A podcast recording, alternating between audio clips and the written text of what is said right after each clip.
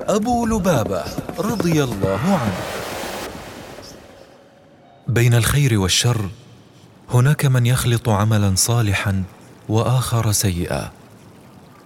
هؤلاء قد ترك لهم الإسلام الباب مفتوحا للتوبة والأوبة.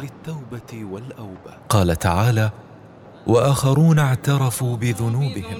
بهم خلطوا عملا صالحا وآخر سيئا. عسى الله أن يتوب عليهم. إن الله غفور رحيم. فبسبب إيمانهم وتصديقهم بالحق ما زال الباب مفتوحا لهم.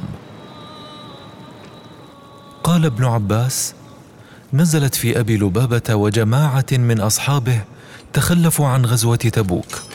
تخلفوا عن غزوة تبوك. فلما رجع النبي صلى الله عليه وسلم من غزوته ربطوا أنفسهم بسواري المسجد وحلفوا لا يحللهم إلا رسول الله صلى الله عليه وسلم.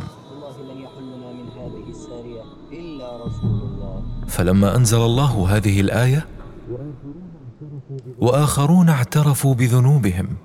أطلقهم النبي صلى الله عليه وسلم وعفى عنهم. وعفى عنهم. أعلام نزل فيهم قرآن.